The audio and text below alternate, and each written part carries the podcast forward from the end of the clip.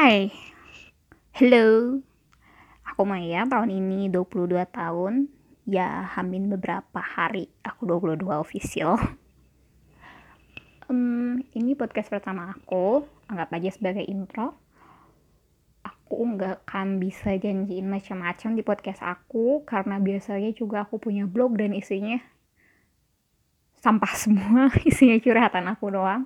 Twitter juga sama kalau IG beda IG isinya kerecehan um, jadi podcastnya nggak akan beda jauh sama medsos aku yang lain karena hidup aku penuh sampah dan juga receh oke okay.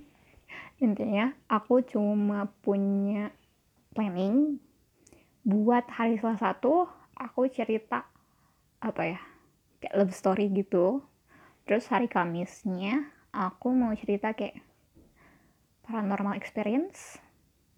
Ya kind of lah. Terus kalau sisanya kalau aku ada waktu aku bakal share curhatan aku curhatan temen atau apa pun lah. Aku seneng deng aku seneng dengerin curhat orang sebenarnya.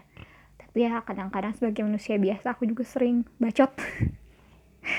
Oke ditunggu aja. Makasih